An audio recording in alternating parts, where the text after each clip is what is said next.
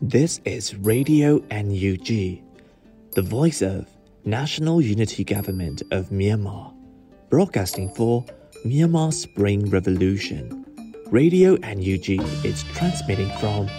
shortwave 16 meter 17.71 megahertz at 8 a.m. and 25 meter 11.965 megahertz at 8 p.m. Myanmar Standard Time. မင်္ဂလာပါခင်ဗျာအမျိုးသားညီညွတ်ရေးအစိုးရရဲ့အတန်လွင့်ဌာန Radio NUG ကိုမနက်၈နာရီမှလိုင်းတို16မီတာ7.3 MHz ညပိုင်း၈နာရီမှလိုင်းတို25မီတာ17.665 MHz တို့မှာဓာတ်ရိုက်ဖမ်းယူနားဆင်နိုင်ပါပြီ။မင်္ဂလာအပေါင်းနဲ့ပြည့်စုံကြပါစေ။အခုချိန်ကစပြီး Radio NUG အစီအစဉ်တွေကိုဓာတ်ရိုက်အတန်လွှင့်ပေးနေပါပြီ။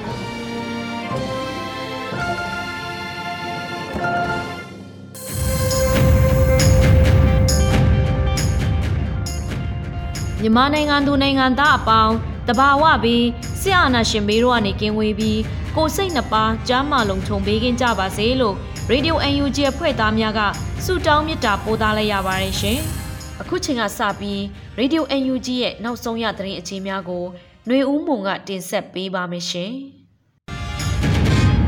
မြို့သားညီညွတ်ရေးအစိုးရဂျာကာလဒေသန္တရပြည်သူ့အုပ်ချုပ်ရေးဖော်ဆောင်မှုဗဟိုကော်မတီအစည်းအဝေးကိုဒီဇင်ဘာလ10ရက်နေ့နနက်7:00နာရီအချိန်တွင်ကျင်းပပြုလုပ်ခဲ့ရာပြည်ထောင်စုဝန်ကြီးချုပ်မန်းဝင်းခိုင်တန်းနဲ့အတူပြည်ထရေးနဲ့လူဝင်မှုကြီးကြပ်ရေးဝန်ကြီးဌာနပြည်ထောင်စုဝန်ကြီးဦးလွင်ကိုလက်ဒုတိယပြည်ထောင်စုဝန်ကြီးခူထဲဘူးတို့တက်ရောက်ခဲ့ကြပါတယ်။အစည်းအဝေးမှာဝန်ကြီးချုပ်ကနိုင်ငံရေးနယ်ပယ်မှတန်အမတ်ကြီးဦးကျော်မိုးထွန်းကုလသမဂ္ဂမှာနေရာဆက်လက်ရှိနေခြင်းဟာ အာဏာသိမ်းအကြမ်းဖက်စစ်ကောင်စီရဲ့ရှိုက်ကိုထိုးသွင်းနိုင်တဲ့ကဲ့သို့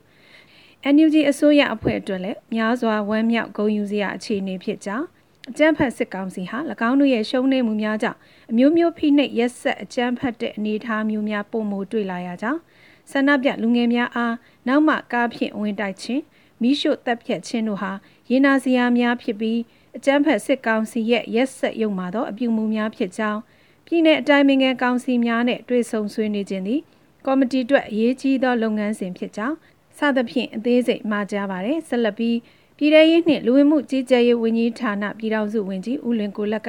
မြေပြင်ပြည်သူ့အုပ်ချုပ်ရေးအဖွဲ့များဖွဲ့စည်းထားမှုအခြေအနေနယ်မြေဆိုင်ရာအုပ်ချုပ်ရေးကိစ္စရပ်များကိုဆွေးနွေးတင်ပြခဲ့ပါတယ်။ ပြည်내အတိုင်းအမြံကောင်စီများနဲ့တွေ့ဆုံမဲ့အစီအစဉ်များကိုလည်းတက်ရောက်လာကြတဲ့ပြည်ထောင်စုဝန်ကြီးများဒုတိယပြည်ထောင်စုဝန်ကြီးများနဲ့အတွင်းဝင်များကအကျယ်တဝင့်ဆွေးနွေးခဲ့ကြပါတယ်။အဲ့နောက်အုပ်ချုပ်ရေးဆိုင်ရာလက်ဆွဲသုံးခုကိုလည်းဝန်ကြီးချုပ်မှအတီးပြုလမ်းညွှန်ပေးခဲ့ပါတယ်။အစည်းအဝေးကိုဝင်းကြီးချုပ်မန်းဝင်းခိုင်တန်းနဲ့အတူဗဟိုကော်မတီမှတာဝန်ရှိပုဂ္ဂိုလ်များစုံစုံညီညီတက်ရောက်ခဲ့ကြပြီးနေ့လယ်တနာရီချိန်မှာအစည်းအဝေးရနာခဲ့တယ်လို့သိရှိရပါတယ်ရှင်။ နောက်ထပ်တင်ဆက်ပေးမယ့်သတင်းကတော့လမ်းမတော်မြို့နယ်မှာဈေးတဲ့အမျိုးသမီး2ဦးပြစ်ခတ်ခံရပြီးတဦးသေးဆုံးတဲ့သတင်းဖြစ်ပါတယ်။ရန်ကုန်တိုင်းဒေသကြီးလမ်းမတော်မြို့နယ်ကိုရက်ကွက်ဇော်ကြီးလန်းဓမ္မယုံရှိမှာဈေးရောင်းချနေတဲ့မျိုးသမီးနှစ်ဦးကိုဒီဇင်ဘာလ10ရက်နေ့မနက်ပိုင်းမှာအမည်မသိသူတွေကတနက်နဲ့ပြစ်ခတ်ခဲ့တာကြောင့်တဦးသေးဆုံးပြီးတဦးခြေထောက်ထိမှန်ခဲ့တယ်လို့ဒေသခံပြည်သူတွေစီကနေသိရပါဗျ။ ဆန်ရောင်းတဲ့သူရဲ့ပလာတာရောင်းတဲ့သူရဲ့နှစ်ဦးပြစ်ခံရတယ်။ဆန်ရောင်းတဲ့အမျိုးသမီးကတော့ပွဲချင်းပြီးသေးသွားတယ်။ပလာတာတွေကတော့ခြေထောက်ထိလို့ဆေးရုံပို့လိုက်ရတယ်။မနက်9နာရီကျော်လောက်မှပြစ်ခံရတာ။အားရပြီးတော့မပြစ်လောက်ဘူးတခုခုနဲ့ပတ်သက်နေလို့ပြစ်ခံရတာဖြစ်မယ်လို့ဒေသခံတဦးကပြောပါတယ်။ဆန်ရောင်းတဲ့မခင်နေမျိုးကလမ်းမတော်မြို့နယ်အမျိုးသားဒီမိုကရေစီအဖွဲ့ချုပ်မျိုးသမီးလုပ်ငန်းအဖွဲ့ကပရဟိတလုပ်နေတဲ့သူ ခုပြစ်တာပြူစောထီတွေဖြစ်မယ်ဒါမှမဟုတ်စစ်တပ်ကအယောင်ဆောင်ပြီးပြစ်သွားတာဖြစ်မယ်လို့နီးစပ်သူတဦးကပြောပါတယ်။ဆန်ရောင်းချသူမခင်နေမျိုးနဲ့ပလာတာရောင်းသူမသိသိအီတို့ဟာဓမ္မယုံရှိမှရှိတဲ့လမ်းဘေးစင်းမှာစိုင်ခင်းနေခြင်းပြစ်ခတ်ခံရတာဖြစ်ပြီးမခင်နေမျိုးရဲ့လဲပင်ရင်ဘတ်နဲ့ဝန်းပိုက်တွေမှာကြီးထိမှန်တဲ့ຢာတွေနဲ့ပွဲချင်းပြီးသေဆုံးခဲ့တာဖြစ်ပြီးပလာတာရောင်းတဲ့မသိန်းသိန်းဤရဲ့ဝဲချေခြင်းဝတ်မှာကြီးစံထိမှန်ခဲ့တဲ့အတွက်စေယုံကိုပို့ဆောင်ခဲ့တယ်လို့ဒေသခံပြည်သူတွေရဲ့ပြောပြချက်အရသိရပါတယ်ရှင်။ မန္တလေးမှာဆီယနာရှင်စက်ကြီးရေးတပိတ်မှစိုက်ကယ်စီးလူငယ်တွေကိုစစ်တပ်ကအကြမ်းဖက်ဝင်တိုက်ခါဖမ်းဆီးခဲ့ကြပါတယ်။ဒီဇင်ဘာလ10ရက်နေ့နနက်ပိုင်းမှာဆီယာနာရှင်စန့်ကျင်ရေးတပိတ်ကိုတွားရောက်ခဲ့တဲ့လူငယ်တွေရဲ့ဆိုင်ကယ်ကိုအရက်ကားဖြင့်စစ်ကောင်းစီတပ်များပါဝင်တဲ့ကား၃စီးကဝင်တိုက်ပြီးဖမ်းဆီးခဲ့ကြတာပါကားနဲ့ဝင်တိုက်ခံရတဲ့ဆိုင်ကယ်မှာအမျိုးသမီး2ဦးနဲ့မျိုးသား2ဦးတို့စီးနင်းလာတာဖြစ်ပြီးမျိုးသမီး2ဦးဖမ်းဆီးခံလိုက်ရတယ်လို့သိရပါတယ် ဆိုင်ကယ်စီးလူငယ်တွေဟာနနက်9နာရီခွဲမှာ63လမ်းလမ်း30နဲ့35ကြားအရောက်ကျန်းဖတ်စစ်တပ်ရဲ့လှည့်ကင်းနဲ့တွေ့ရှိခဲ့ပြီးတဲ့နောက်မှာအရက်သုံးကား၃စီးဖြင့်လိုက်တိုက်ပြီးဖမ်းဆီးခဲ့တာဖြစ်ကြောင်းလူမြောက်လာတဲ့စိုက်ကယ်မောင်းနှင်သူကပြောပါတယ်။ကျွန်တော်နောက်မှာတပိတ်ကိုသွားမဲ့မိန်းကလေးနှစ်ယောက်ပါတယ်ပြီးတော့စစ်တပ်ရဲ့လှည့်ကင်းနဲ့တွေ့တယ်အဲ့ဒီမှာဟိုကောင်မလေးဟိုကောင်မလေးဆိုပြီးကား၃စီးနဲ့စိုက်ကယ်နောင်မီကိုလည်းလိုက်တိုက်တယ်။ ဘေးကနေလည်းလိုက်ကပ်ပြီးတော့လိုက်တိုက်တာပေါ့အချိန်ကတော့တော်တော်ပြင်းတယ်စိုက်ကယ်ကလွင့်သွားတာလို့စိုက်ကယ်မောင်းသူလည်းဖြစ်မန်လေးအင်အားစုတပိတ်မှကော်မတီအဖွဲ့ဝင်တဦးဖြစ်သူကပြောပါတယ်။အသက်20အရွယ်မခိုင်စင်ဖူးမှာဖမ်းခံလိုက်ရပေမဲ့နှစ်ဦးကထွက်ပြေးလွတ်မြောက်ခဲ့ခြင်းဖြစ်ပါတယ်။လွတ်မြောက်လာသူနှစ်ဦးမှလည်းဒဏ်ရာကိုစီရရှိခဲ့ကြပါတယ်။ဖမ်းဆီးခံလိုက်ရတဲ့မခိုင်စင်ဖူးကိုစစ်ဆေးပြီးနောက်၃နာရီအကြာမှာဆက်ဆက်တဲ့အိမ်တွေကိုစစ်ကောင်စီတပ်တွေရောက်ရှိလာပြီးပစ္စည်းတချို့ယူဆောင်သွားတာခံရပေမဲ့ နောက်ထပ်ဖမ်းဆီးခံရသူမရှိခဲ့ပါဘူးလို့ဆိုပါတယ်။တပိတ်ကော်မတီဝင်တဦးပြောတာကဖမ်းခံလိုက်ရတာကညနေ9နာရီဖြစ်ပြီး3နာရီအကြာည8နာရီမှာကျွန်တော်တို့နေရာကိုရောက်လာကြတယ်လူပဲရွှေ့လိုက်နိုင်ပြီးပစ္စည်းတွေတဲခြင်းမရတာမို့အခုလိုပစ္စည်းတွေယူသွားကြတာပါလို့ပြောပါတယ်အခုတလောမှာအာနာသိန်းစစ်ကောင်စီတပ်တွေဟာပြန်လည်အားကောင်းစပြုလာတဲ့လူထုဆန္ဒပြပွဲတွေကိုစစ်ကားအရက်ကားများနဲ့ဝင်းရောက်တိုက်သက်ခြင်းကိုဇက်တိုက်ကျူးလွန်လျက်ရှိနေပါတယ်ရှင် ဆက်လက်ပြီးဒီဇင်ဘာလ9ရက်နေ့မနက်ခင်းနဲ့နေ့ကင်းပိုင်းတွေမှာတင်ဆက်ခဲ့တဲ့သတင်းကောင်းစင်တွေကိုပြန်လည်ဖတ်ကြားပေးပါမယ်။အာဆီယံတက္ကသိုလ်ကျောင်းသားများသမဂ္ဂညီလာခံမှာဆီယနာသိမ်းလိုက်တာကြောင့်ပြိုရင်းပျက်စီးသွားတဲ့ကျန်းမာရေးစနစ်အကြောင်းကိုဆွေးနွေးခဲ့ကြတဲ့တဲ့အာနာသိမ်းမြန်မာစစ်တပ်ပိုင်းကုမ္ပဏီလုပ်ငန်းများသာမကဆက်ဆက်နေတဲ့လုပ်ငန်းစာမျက်နှာများ group များအကောင့်များကို Facebook platform ပေါ်ကဖယ်ရှားပစ်တော့မယ်ဆိုတဲ့အကြောင်း Facebook ကုမ္ပဏီကပြောဆိုလိုက်တဲ့တဲ့ ပြည်ပြည်ဆိုင်ရာလူအခွင့်အရေးနေ့ဖြစ်တဲ့ဒီဇင်ဘာလ10ရက်နေ့မှာအတန်တိတ်လှုပ်ရှားမှုတပိတ်ကိုပြုလုပ်ကြဖို့လှုံ့ဆော်လျက်ရှိတဲ့တဲ့မန္တလေးတိုင်းဝန်ကြီးချုပ်ဒေါက်တာဇော်မြင့်မောင်ကိုအကြမ်းဖက်အာဏာသိမ်းစစ်ကောင်စီကမတရားဆွဲချက်တင်ပြီးထောင်ဒဏ်၄နှစ်သတ်မှတ်လိုက်တဲ့တဲ့ပြည်သူအစိုးရလက်ထက်တယံဇာတနှင့်ပတ်ဝန်းကျင်ထိန်းသိမ်းရေးဝန်ကြီးဦးအောင်ဝင်းကိုစစ်ကောင်စီကအပြစ်ရှာအမှုဖွင့်ပေမဲ့ဥပဒေနဲ့မညီတာဘာမှမလုပ်ခဲ့တဲ့အကြောင်းတစ်တော်ဝန်ထမ်းများကထုတ်ဖော်ခဲ့တဲ့တဲ့ စကိုင်းတိုင်းအတွင်းဖြတ်တန်းသွားလာမည့်ကုမ္ပဏီပိုင်အကြီးစားလုပ်ငန်းကားကြီးများအားမြို့သားညီညွတ်ရေးအစိုးရထံဝင်ငွေကုန်ဆောင်ဖြတ်ပိုင်းများပြသနိုင်မှဖြတ်တန်းခွင့်ပြုတော့မယ်လို့ PDF စကိုင်းကကြေညာတဲ့တဲ့ဂျပန်ကီရီနဲ့တက်ကြောတောက်နောက်ခံ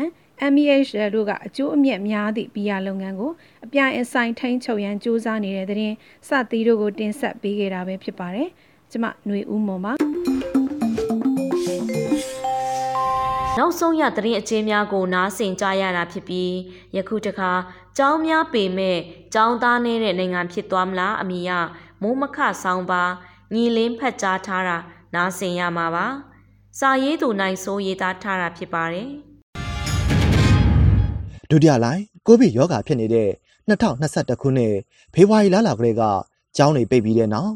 ကိုဗစ်ရောဂါပိုးဖြစ်နေတဲ့အချိန်နဲ့အတူစစ်တပ်ကအာဏာသိမ်းလိုက်တဲ့နောက် စာသင်ကျောင်းတွေပြန်ဖွင့်တဲ့အခါမှာတော့ဆရာဆရာမတွေရောကျောင်းသားကျောင်းသူတွေပါ CDM မှာပါဝင်ကြလေတော့ကျောင်းတက်တဲ့သူတွေမရှိသလောက်ပါပဲဗျာနိုင်ငံထဲကစာသင်ကျောင်းတွေကိုအော်တိုဘာလကုန်မှာပြန်လည်ဖွင့်လှစ်ခဲ့ပေမဲ့နိုင်ငံရေးနဲ့ယောဂပိုးတွေကြောင့်ကျောင်းတက်တဲ့ကျောင်းသားကျောင်းသူတွေရဲ့မိဘတွေဟာကျောင်းအပ်တာတွေကျောင်းအပ်ပြီးကျောင်းမတက်ခိုင်းတာတွေရှိနေတာပါ။သားကတဒန်းတက်တုန်းကအတန်းထဲမှာတငယ်ချင်းတွေအများကြီးပဲ။ဒီနှစ်တက်တော့သားကနှစ်တန်း။ကျောင်းကန်းထဲမှာ ကျောင်းတက်တဲ့သူ3ယောက်ပဲရှိတယ်လေ။စာသင်ရတာပြင်းတာပေါ့လို့မြန်အောင်မြို့နယ်ထဲကကျောင်းသားတယောက်ကပြောပြပါတယ်။ကျမတို့ကတစ်ဖက်ကလည်းယောဂါတွေဖြစ်နေတာကြောင့်ရဲ့တစ်ဖက်ကလည်းနိုင်ငံရေးတွေကြောင့်ကျောင်းတွေမှာဘုံတွေဖောက်မယ်လို့သတင်းတွေထွက်နေတော့သားသမီးတွေကိုဘယ်လိုစိတ်ချနိုင်ပါမလဲတာဝန်ရှိတဲ့သူတွေကလည်းတာဝန်မယူတော့အပြင်ဆရာနဲ့ထားပြီးစာသင်နေရတာပေါ့လို့အေယာရီတိုင်းအင်္ဂပူမြို့နယ်ထက်ကကျောင်းသားမိခင်တူကရှင်းပြပါတယ် အာနာသိန်းစစ်အုပ်စုကကျောင်းတွေပြန်ဖွင့်ဖို့ဆရာဆရာမတွေကိုစာသင်ဖို့ဖိအားပေးကျောင်းသားကျောင်းသူတွေကိုမဖြစ်မနေကျောင်းတက်ရမယ်လို့ချင်းချောက်ကျောင်းတက်ခိုင်းပေမဲ့ကျောင်းသားမိဘတွေကတော့သားသမီးတွေအတွက်စိုးရင်ရတဲ့အခြေအနေဟာအရင်ဖြတ်တန်းခဲ့ရတဲ့1988အရေးတော်ပုံကြီးနဲ့မတူဘူးဆိုတာကတော့အတွေ့အကြုံတွေကစကားပြောနေပါတယ်။ရှစ်လူလုံးစတင်တဲ့ကာလမှာတော့ဘယ်တခိုးဘယ်တများဘယ်စစ်တပ်ကမှမကြောက်ခဲ့ရဘူး။ကိုရက်ကွက်ကိုမြို့နယ်မှာ ကိုလုံခြုံရေးနဲ့ကိုသွားနေတာဗျာလို့မြောင်မြို့နယ်ကန်တယောက်ကရှင်းပြပါတယ်။အခုကြပြန်တော့လုံခြုံရေးဆိုတာမရှိမရှိမရှိစိုးရင်လည်းရတဲ့ပြည်သူတွေတနိုင်ငံလုံးလိုလိုပါပဲအစိမ်းကပဲလာပြက်မလားအပြာကပဲလာပြက်မလားအနီကပဲလာပြက်မလားတခိုးတပြကပဲလာပြက်မလားစတဲ့စတဲ့အပူပင်တွေနဲ့ဘဝတွေကိုနေဆတူကဖြတ်သန်းနေရတာဒီနေ့ထိပေါ့ကျွန်တော်တို့88တုန်းကကိုဟာကိုကင်းစာပြည်သူတွေကရင်နှွေးချမ်းတွေ လက်ဖက်တုပ်တွေဆေးလိပ်တွေစတာတွေအပြင်လိုအပ်ရင်စောင်းချောင်းတွေတောင်ကူညီသေးတယ်ဗျအခုတော့ဗျကိုကိုတိုင်းတောင်လုံခြုံရေးကြောက်နေရလို့အိမ်ထဲမှာပဲကုန်နေရတယ်လို့အေယာရီတိုင်းကြံငင်းမြို့နယ်က88အရေးခင်ကိုမိခဲ့တဲ့ဒေသခံတယောက်ကပြောပြပါဗျ။အခုစာတင်ကျောင်းတွေပြန်ဖွင့်တာနိုဝင်ဘာလ၁ရက်နေ့ကလို့မှတ်မိလိုက်တယ်။ဆိုလိုချင်တာကအထက်ကပြောခဲ့သလိုနိုင်ငံရေးကလည်းမတည်ငြိမ်လုံခြုံရေးကလည်းနှက်ထိ သားသမီးတွေရဲ့ပညာရေးကိုဘလို့ရှေ့ဆက်ရမလဲဆိုတာမိဘတွေကလည်းစိုးရင်ရတဲ့ခေတ်ကိုရောက်နေပြီလေကျွန်တော်တို့ကသားလေးကိုကြောင်းထားခြင်းပါတယ်ကျွန်တော်သားကနှစ်တန်းပဲရှိသေးတယ်ဒါပေမဲ့ဟိုလုံမယ်ဒီလုံမယ်ဆိုတော့မိဘတွေကလည်းစိုးရင်ပြီးကြောင်းမတက်ခိုင်းတော့တာပေါ့လို့အေယာရီတိုင်းမြန်အောင်မြို့နယ်ထဲကကျောင်းသားမိခင်တူကပြောပါတယ်လက်ရှိကာလမှာကျောင်းတက်ရင်ဖြစ်စေမတက်ရင်ဖြစ်စေဆရာဆရာတွေရုံးလုပ်တွေဆင်းရင်ဖြစ်စေမတက်ရင်ဖြစ်စေ စစ်တပ်ဘက်ကပဲဖမ်းမလို့လို့ဒီမိုကရေစီအဖွဲ့တွေဘက်ကပဲပြစ်ခတ်ဖောက်ခွဲတော့မလို့လို့ဖြစ်နေကြတဲ့ကာလဖြစ်နေတော့နှစ်ဖက်လုံးမှာတန်ရာစိတ်တွေနဲ့ဖြတ်သန်းနေရတဲ့ကာလဖြစ်နေတယ်။အခုလိုဖြစ်နေကြတဲ့အခြေအနေရဲ့အစကိုပြောရရင်2021ခုနှစ်ဖေဖော်ဝါရီလ1ရက်နေ့မှာအာဏာသိမ်းလိုက်တဲ့စစ်တပ်ကြောင့်ဖြစ်တယ်လို့ရှေ့မီနောက်မီတက်ကြီးရွှေအိုတွေကသုံးသပ်ကြပါတယ်။ဒီကောင်လေးကခတ်တယ်ကွာ။ဦးနေဝင်လက်ထက်ကလေးကပြည်သူတွေကိုဒုက္ခပေးလာတာ အခုလည်းမပြီးသေးဘူးသူတို့သားစဉ်မြစ်ဆက်အာနာဆက်ခံခြင်းနေကြတာကွာလို့အေယာရီတိုင်းမြန်အောင်မြို့နယ်ထဲကရမီရဖတူကတက်ခောက်ပြီးပြောပါတယ်ကျွန်တော်ကအောင်လက်မှတ်ရခြင်းလို့ကြောင်းပြန်တက်တာဘာလို့လဲဆိုတော့အောင်လက်မှတ်မရလို့အလုပ်တွေမရအဖေအမေတို့ပညာသင်စစ်တွေကုံတော့မှလေလယ်တွေလည်းကုံပြီးနွားတွေလည်းကုံပြီး ဒါလေးကိုကျေးဇူးပြန်ဆက်နိုင်အောင်ကြောင်းပြန်တက်တာပါလို့ AR တိုင်းမြန်အောင်မြို့နယ်ရှားတော်ကြည့်ရအုပ်စုကဆယ်တန်းကျောင်းသားတယောက်ကပြောပါတယ်။တကယ်တမ်းတော့အခုလိုကျောင်းတွေမဖွင့်ခင်ကတည်းကကိုနီးကိုဟန်နဲ့မိဘတွေကသားသမီးတွေကိုပညာသင်နေကြတာပါ။ရီမန်းချက်ကတော့အတန်းပညာရေးအောင်သည်ဖြစ်စေမအောင်သည်ဖြစ်စေကိုသားသမီးတွေကိုပညာတတ်စေခြင်းနဲ့မိဘတွေရဲ့စေတနာကြောင့်ပါ။ဒီထဲမှာကလေးတွေရဲ့ပညာရေးတိုးတက်အောင် စေတနာဝါသနာဂိယူနာနဲ့တင် जा ပေးနေတဲ့ဆရာဆရာမတွေကတော့သူတို့ရဲ့ခံစားချက်ခံယူချက်နဲ့လက်ရှိခြင်းတွေကိုအခုလိုရှင်းပြပါဗျ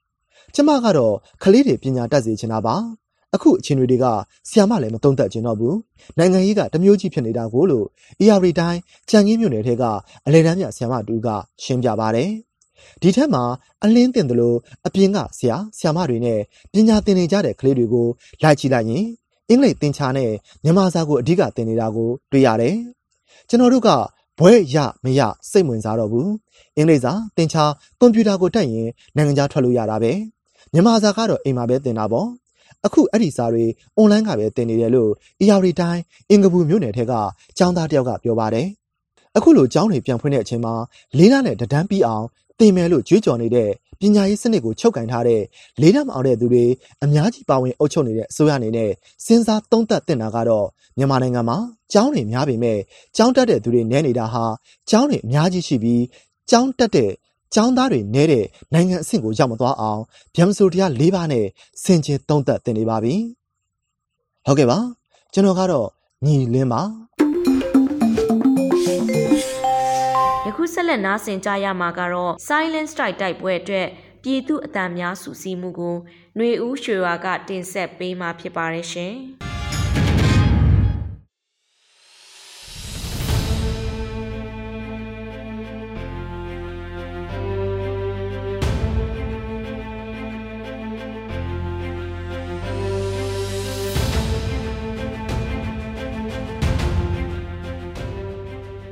ဗီဒီယိုအန်ယူဂျီရဲ့ပရိသတ်များရှင်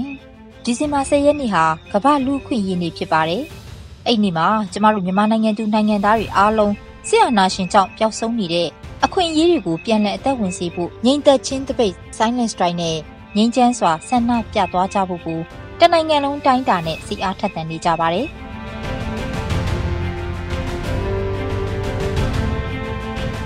တကယ်တော့ဒီလို silent strike ကို တနိုင်ငံလုံးတိုင်းတာနဲ့လှုပ်ဆောင်ဖို့ဆိုတာအမတန်မှခဲယဉ်ပါတယ်။ဒါပေမဲ့ကျမတို့နိုင်ငံမှာဆီယာနာရှင်ကိုစတင်တွန်းလှန်တော်လှန်ခဲ့တဲ့မျိုးဦးတော်လှန်ရေးရဲ့အစကတည်းကပြည်သူတွေဟာတသွေးတဲ့တသားတည်းရှိကြောင်းကိုကဘာတိအောင်ပြသခဲ့တာလည်းရှိပါတယ်။ဒါကြောင့်ဒီဇင်ဘာ10ရက်နေ့မှာကဘာတိအောင်ပြည်သူတွေအနေနဲ့ Silent Strike မှာပါဝင်ဖို့စိတ်အားထက်သန်နေတဲ့စကားသံတွေကိုလည်းအခုလိုကြားသိရမှာဖြစ်ပါတယ်။ ဒီဇင်ဘာလ10ရက်နေ့ဟာဒါလူအခွင့်အရေးနေ့လို့စကဘာလုံးသတ်မှတ်ထားတာဖြစ်ပါတယ်အဲ့တော့ကျွန်တော်တို့လက်ရှိမြန်မာနိုင်ငံဆိုရင်စစ်ကြွန်ဘဝစစ်ဖက်နှက်အုပ်ကိုရောက်နေတဲ့အတွက်တိုင်းသူပြည်သားအလုံးဟာလူအခွင့်အရေးတွေဟာလုံးဝစိတ်သုံးနေတာကိုတွေ့ရုံသာမကပဲနဲ့ရဲရဲစစ်စစ်အကြမ်းဖက်တပ်ဖြတ်ခံရတာဖမ်းဆီးခံရတာချုပ်နှောင်ခံရတာ လူရခံရတာစသဖြင့်လူအခွင့်အရေးချိုးဖောက်ရုံနဲ့မကစိတ်အရာသွင်းမှုတွေပါချိုးဖောက်မှုခံနေရတဲ့အချိန်ဖြစ်ပါတယ်အဲ့တော့ကျွန်တော်တို့ဟာမြန်မာပြည်စစ်ဖက်နှက်အောက်ကလွတ်မြောက်ရေးအတွက်ကျွန်တော်တို့ຫນွေဦးတော်လာရေးနဲ့အားလုံးပြည်သူပြည်သားတွေအားလုံးရုန်းကန်လှုပ်ရှားတော်လှန်နေကြပါတယ်အဲ့တော့ဒီဇင်ဘာလ10ရက်နေ့လူအခွင့်အရေးနေ့မှာကျွန်တော်တို့မြန်မာပြည်သူပြည်သားတွေအနေနဲ့ silent straight လို့ခေါ်တဲ့တိတ်ဆိတ်ငြိမ်သက်ခြင်းတပိတ်နဲ့ကျွန်တော်တို့ဆင်နွှဲကြပါမယ်အဲ့ဒီနေ့မှာကျွန်တော်တို့မနေ့10နာရီဤကနေပြီးတော့ညနေ4နာရီထိဆိုင်နေမဖွင့်ဘူးလမ်းမလျှောက်ဘူးကားတွေမမောင်းဘူးဆိုင်ကယ်မစီးဘူးတိတ်တိတ်ဆိတ်ဆိတ်ငြိမ်ငြိမ်သက်သက်နဲ့ကျွန်တော်တို့နေထိုင်ကြမယ်မင်းတို့စစ်အာဏာရှင်တွေရဲ့စစ်ဖက်နှက်အုပ်ငါတို့မြန်မာပြည်သူပြည်သားတွေလုံးဝမနေဘူးမ နေလိုဘူးမနေနိုင်ဘူးမနေခြင်းဘူးဆိုတဲ့သင်္ကေတကိုပြတဲ့အနေနဲ့တိတ်ဆိတ်ခြင်းတပိတ် silent state ကိုဆင်နွှဲကြမှာဖြစ်ပါတယ်ကျွန်တော်တို့ကိုယ်တိုင်လည်းပါဝင်ဆင်နွှဲမှာဖြစ်ပါတယ်ဒီ silent state ကတော့ကျွန်တော်တို့ຫນွေဦးဒေါ်လာကြီးအစပြုပြီးတော့ဒီမြန်မာပြည်မှာဆောင်ရွက်ခဲ့ပြီးသားဖြစ်တဲ့အတွက်ပြည်သူပြည်သားတွေအားလုံးဟာဆိုင်းတဲ့တပိတ်ရဲ့သဘောတဘာဝ လှုပ်ဆောင်မှုကိုလည်းအားလုံးသိပြီးသားပါအားလုံးကျွန်တော်တို့အားလုံးအဲ့ဒီနေ့မှာနာနဲ့10နာရီရစပြီးအပြင်မှာမတွယ်ဘူးဈေးတိုင်းတွေမဖွင့်ဘူးတစ်ဖက်ကြီးတိုင်းတွေမထိုင်ဘူးအပြင်မှာကားမောင်းတာဆိုင်ငယ်စီးတာလမ်းလျှောက်တာမလုပ်ဘူးမိမိအိမ်ထဲမှာတိတ်ဆိတ်ငြိမ်သက်စွာနဲ့ကျွန်တော်တို့လူလားတဲ့ဆန္ဒကိုဖော်ထုတ်ကြမှာဖြစ်ပါတယ်ပြသကြမှာဖြစ်ပါတယ် လူအခွင့်အရေးစိတ်သုံးနေတဲ့မြန်မာပြည်မှာလူအခွင့်အရေးတွေပြန်လည်ရရှိရေးအတွက်ကျွန်တော်တို့ဆန်းနေစပိတ်ဆင်နွှဲမှာဖြစ်တဲ့အတွက်အားလုံးပါဝင်ဆင်နွှဲကြပါလို့ပဲကျွန်တော်အနေနဲ့ပြောချလိုပါတယ်ဒီဇင်ဘာ10 Silence Strike မှာကျမတို့မိသားစုပူးပေါင်းပါဝင်ပါမယ်ကျမတို့တက်နိုင်တာနဲ့စကားစကိုစန့်ကျင်ပါမယ်တပတ်ဘက်မှာရက်မယ်ဆိုတဲ့လူတွေအနေနဲ့ဒီကမ်ပိန်းလေးမှာမဖြစ်မနေပူးပေါင်းပါဝင်စေချင်ပါတယ် တနက်ကင်မှုမရဲတဲ့သူတွေလမ်းမော်ဆန္ဒထွက်ပြဖို့မရဲတဲ့သူတွေဆိုရှယ်မီဒီယာပေါ်မှာ speak out မလုပ်ရဲတဲ့သူတွေဒီကမ်ပိန်းမှာပါဝင်နိုင်ပါတယ်ငါတို့မှငါတို့ပဲရှိတယ်ဆိုတဲ့စကားကိုအပူပြောခဲ့တာမဟုတ်ဘူးဆိုတာဒီကမ်ပိန်းလေးနဲ့သက်သေပြကြရအောင်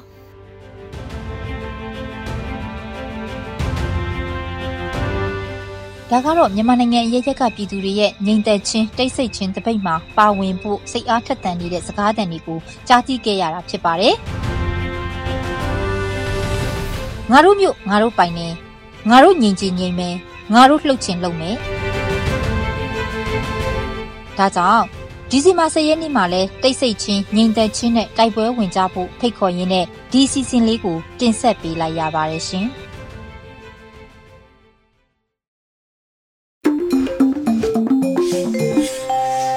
ဆက်လက်ပြီးတော့အောင်နေမျိုးပုံမှန်တင်ဆက်နေကြတက်ပြက်လွတ်လွတ်ဖိုးတက်ပူအစီအစဉ် အပိုင်း26ကို နားဆင်ရဖို့ရှိပါတယ်။ Tap ya lulu, oh tap lulu, tap ya lulu, oh tap lulu.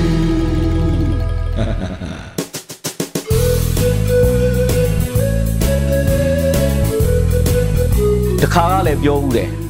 စင်ကောင်းခွေးချီတာပါလို့အာနာယူလို့သာအာနာကောက်သိမ်းတယ်ပြည်သူကလည်း အင်းနဲ့အားနဲ့ဒုနဲ့ဒဲနဲ့စန့်ကျင်ဆန္ဒပြကုန်ကြတော့ဘာလို့မှမသိတော့ဘူးဖြစ်ကုန်တော့တယ်လာပေါင်းများစွာကြာလာတော့မဖြေရှင်းတတ်တော့ထုံးစံအတိုင်းပဲလမ်းပေါ်မှာလူတွေကိုတတ်ပြကြတော့တာပဲဘူတက်ပူကအဲ့လိုလူမျိုးဘာဖြစ်ရင်ဘလို့ဖြေရှင်းရမလဲဆိုတာကိုတော့မှမသိဘူးအကောင်းဆုံးနည်းနဲ့ထိခိုက်ဆုံးနီလန်းကိုဘလို့သုံးရမလဲဆိုတာတော့မသိတဲ့သူဒါကြောင့်မို့လို့လဲစေတနာက မြင့်မို့တောင်ကြီးလောက်ရှိနေပါစေရလာမဲ့အကျိုးကဇီးဇီးလေးလောက်ရရင်တော့မှကံကောင်းအဲ့ဒါပြောတာပေါ့လေပယ်ကစကားပြောတယ်ဆိုတာခုတော့ဘူတက်ပုတယောက်သူလိုက်မမီတဲ့နိုင်ငံရေးမေဂျာတော်လန်ရေးမေဂျာတွေနောက်ကိုအသေးအံပြေးလိုက်ရင်နဲ့ဥရဖားရလေ့လာနေရတယ်ဆိုတာပြည်သူတွေသိလောက်ပါပြီအခုလဲတရက်ထက်တရက်ပုံမူပြင်းထန်လာနေတဲ့တော်လန်ရေးလှိုင်းလုံးနေကြတပတ်နဲ့တပတ် ကျေပြန့်လာနေတဲ့တော်လန်ရေးနယ်ပယ်ကြားမှာဘူတက်ပုတို့ကျင်ဆိုးတတိုက်ခေါင်းဖော်နိုင်အောင်ကိုပဲမနေ့ကြိုးစားနေရတော့တယ်နိုင်ငံတကာစာမျက်နှာနဲ့ UN မှာလဲခွေးနေရမရအဆင့်အကိုတက်မလာတော့ဘူးအာဆန်မှာလည်းငနီစင်းသွင်းခံထားရတော့ဘသူကမှလှေပေါ်တက်မတင်ញကြတော့ဘူးလေတရုတ်နဲ့ရုရှားကလည်းဆက်ဆံရေးကိုခက်တန်းတန်းလှုပ်လာကြပြီ ICC ICJ မှာလည်းတရားစွဲဖို့အတန်တွေထွက်လာကြပြီ ပြည်တွင်းစာမျက်နှာတွေမှာလည်းမြို့ရွာ PDF တွေကအားကောင်းလာတော့စစ်ကောင်စီတပ်တွေကမနိုင်နိုင်ရမဲပြီးမြို့ရွာတွေကိုမိရှို့ဖျက်ဆီးလာကြပြီလေအဲ့တော့စစ်ကောင်စီတွေရဲ့ရန်ကားမှုတွေကိုပြည်သူတွေကလည်းမေတ္တာတုံးနေကြပြီထိန်းချုပ်ဖို့ကြိုးစားနေတဲ့အနော်လက်ချာနဲ့အလောင်းမတရားစစ်စင်ရေးတွေကလည်းမုံဟင်းကားတွေပဲချက်နေရတော့တယ်ဒလန်ဘောမအနှဲငယ်ကလွဲလို့သူတို့ဘက်မှာလောက်လောက်ငါးငါမရှိကြတော့ဘူးအရေးကြီးတာကတော့ဘုန်းတွေကိုရောင်းကောင်းနေတဲ့ NUG နဲ့တိုင်းရင်းသားလက်နက်ကင်တွေအချိတ်ဆက်မိမိနဲ့ဆက်ဆံရေးပုံမူကောင်းမွန်လာတာပဲဗိုလ်တပ်ဖို့အဖြစ်ကလည်းကြံမပြေတဲ့ကလေးကိုအတန်းနေစွတ်တင်ပေးပြီးတော့လိုက်မမီတာကိုအတင်းသင်ပေးနေရတယ်လို့ဖြစ်နေပြီ ဂျီနိုဆိုက်ကိစ္စမှာဆိုလို့ရှိရင်လည်းမနေ့လိုက်နားထောင်နေတာတော့မှလိုက်မမီပဲညံတိန်တဲ့သူဘာဖြစ်လာမလဲဆိုတာကိုလိုက်မမီတော့အမေစုကကာကွယ်ပေးရတာဒါကိုတော့မှခြေစူးကန်းတဲ့သူကစုံလုံးကန်းနေတယ်အဲဒီတော့ခုလဲတိတ်မကြခင်အမေရိကန်ကဆန်ရှင်တွေတပြုံကြီးလာမှန်တော့မှရိတ်ပြတာတော့မှအကောင်မမြင်သေးဘူးသူကတော့ပြည်သူတွေပေါ်မှာတက်လို့ကောင်းနေတုံးပဲဘိုင်းနာမာကြီးကဖယကူကုနေပြီးစိုးကလေးက အကြီးကြီးရုပ်မာတော့မယ်ဆိုတာကိုလူတို့သတိချက်တင်တယ်ကံဖွင့်လိုက်ပါတော့မယ်ဆိုတဲ့ရေရရာနဲ့စခဲ့တာလေမှတ်မိကြတယ်မဟုတ်လားကိုလေးကလည်းအမေစုကိုတရားစီရင်မယ်ဆိုတဲ့ကိုကတိတ်ပြီးတော့ရင်မခုံတော့ဘူးဘာဖြစ်လို့လဲဆိုတော့မဟုတ်ကဟုတ်ကအမှုတွေစင်ပြီးမဟုတ်ကဟုတ်ကအမိတ်တွေပဲချမှန်မယ်လေအခုလဲအမှုအစ်စ်အစ်တွေထပ်တိုးပြီးတော့ငားတင်ချီနဲ့ကဘာသိန်းလောက်ထိအချိန်ဆွဲနေအောင်ပါပဲအရေးကြီးတာကတော့ဒင်းတို့ကိုအပြုတ်နှံ့မှုအတွက်ကိုလူလိုအာယုံပဲစိုက်ထားကြပြီတော့ နိုင်ငံတကာကဖောစုပ်ကိုလည်းစိတ်ထဲမှာဘာမှထားမနေတော့နဲ့အင်နာဘိုကလည်းကြွက်ချုပ်ကိုခေါ်ပြီးတော့တောင်မှပလူနေသေးတာနီပွန်နေဘုန်းနေနေရဖို့ဝဲတယ်ဆိုတာကလည်းမဟုတ်ဘူးစိတ်လက်စီတွေဘာမှအားကိုးလို့ရတာမဟုတ်ဘူးဝယ်ရင်ဝယ်ရင်တောင်မှဂျပန်ကရုံကီမိုချီကမှဝယ်တယ်ဆိုတာကမှတောင်ဖြစ်နိုင်အောင်ပဲ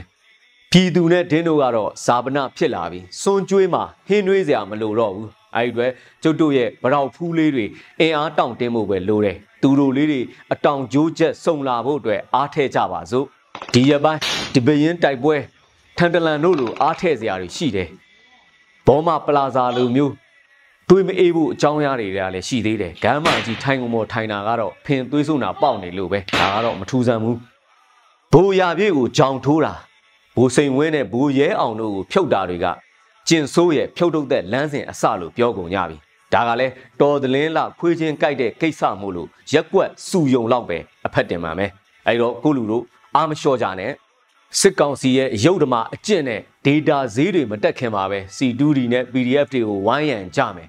တော်လန်ရေးကတဖြည်းဖြည်းနဲ့အထွတ်ထိပ်ကိုရောက်လာနေပြီအားလုံးတက်ညီလက်ညီနဲ့စူးစမ်းကြပြီးတော့ပွဲကိုမြန်မြန်ဖျက်နိုင်မှလားအကြတက်တာမယ်အရေးတော်ပုံအောင်ရမည်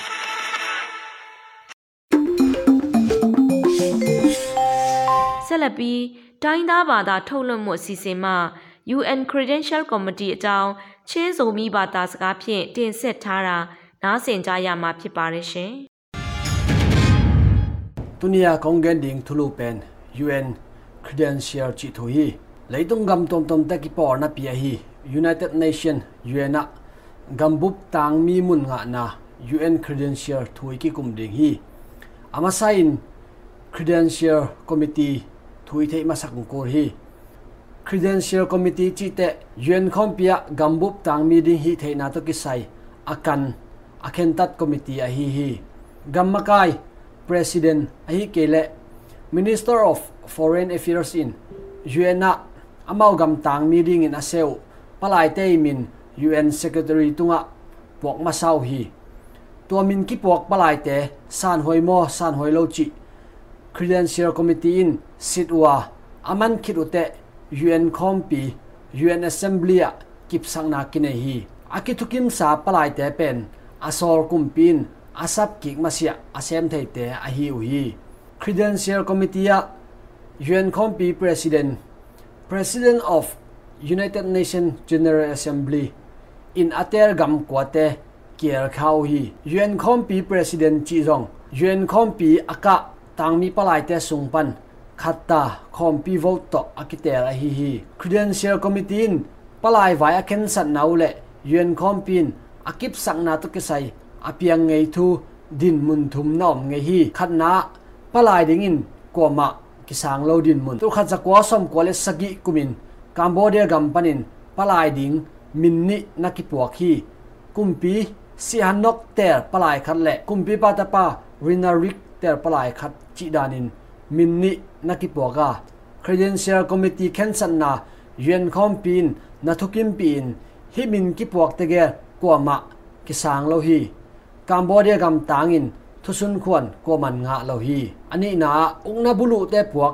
ต่างมีปลายเป็นเนียรินมีปีเตเตอร์กุมปีเตอีปวกต่างมีปลายกิกิบสังนาตุขัดจักวาสมกวเลกุกุมเซตเตมบาคายิน อัฟกานิสถานกุมปีนยูเอ็นะปลายดิ่งมินคัดนักขากีออกตุบาคาเตตาลิบานินอุกนาบุลุอินต่างมีดิ่งอินอดังคัตโตนั่นแหละสมุฮีไอฮิซงอินครีเดนเชียลคอมมิตีนตาลิบานเตยปลายปวกปาสางโลอินมีปีเตอร์กุมปีเตยปลายปานัตเตรัวตูนิละคัดดงยูเอ็นะตุนางะสวกีอธุมนายูเอ็นคอมปีนครีเดนเชียลคอมมิตีเตยเข็นสัดบังบัง thukim zopiani. A hi zong in tur khat zakwa som saki da thum kumin, credential committee khen sat na yuen khompin na niar nge hi, south africa gama mi vom mi kang kidei dan ma ma lain. South africa kumpite pok palai pen, credential committee sang na pin khompia kinial na, om ki kin lungpho na khong zong, na om hi. Myanmar gam din mun to en pang ni yuena myanmar gam tang mi palai pu hau do son mun alai dingin เมียนมาคุมปีนอูจอมูทุนอาเตรุเตอตุบาคาตูนีละสมนีอากิปันอูจอมูทุนินปันมุนนางอาฮีตูนีละสมนี่ละขัดฟิบริคายนกาลกาบเตนอุกนาหงบุลูเตอูจอมูทุนจงไหลนมแล้วแล้วฮีไอจงอินอามาอูทุนกิแขกเจียวเจียวเทโลฮีคริเดนเชียลคอมมิตี้แคนสันนาตุงตอนินยูเอ็นคอมปีนพารนากิสัมอหีฮีตูนี้และสมนี้ละขัดยูเอ็นคอมปีประธานดิงอินเซตเตมบาคายินมาร์ดิเวสเต Minister of Foreign Affairs pa kiter hi UN Compi President in Credential Committee a kiarding in gamkwa na ter hi. Credential Committee in akikup nau panin Myanmar gam tang mi palai ding to kisai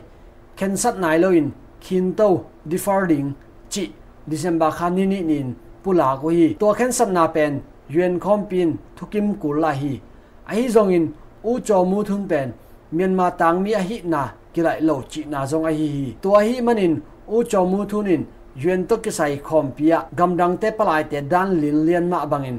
palai hi na to suak ta takin myanmar gam thu sung thei niar thei le vote khe thei suak hi a à hi zong in i thei gi ge ring thu kharin hi na tut nanga na chiang to igamong ki khe pa ha ha lo dinga à. gamdang ten zong garong do sak pa buat buat loading hi to hi manin gam ki kher ding ilungur tak pi le ei mi mar kim chiadin tha sanin ma ipan khop sok ding ma ong thup ten hi tu ka ong gen ding to ding in te mai ka la kim ki ni lungdam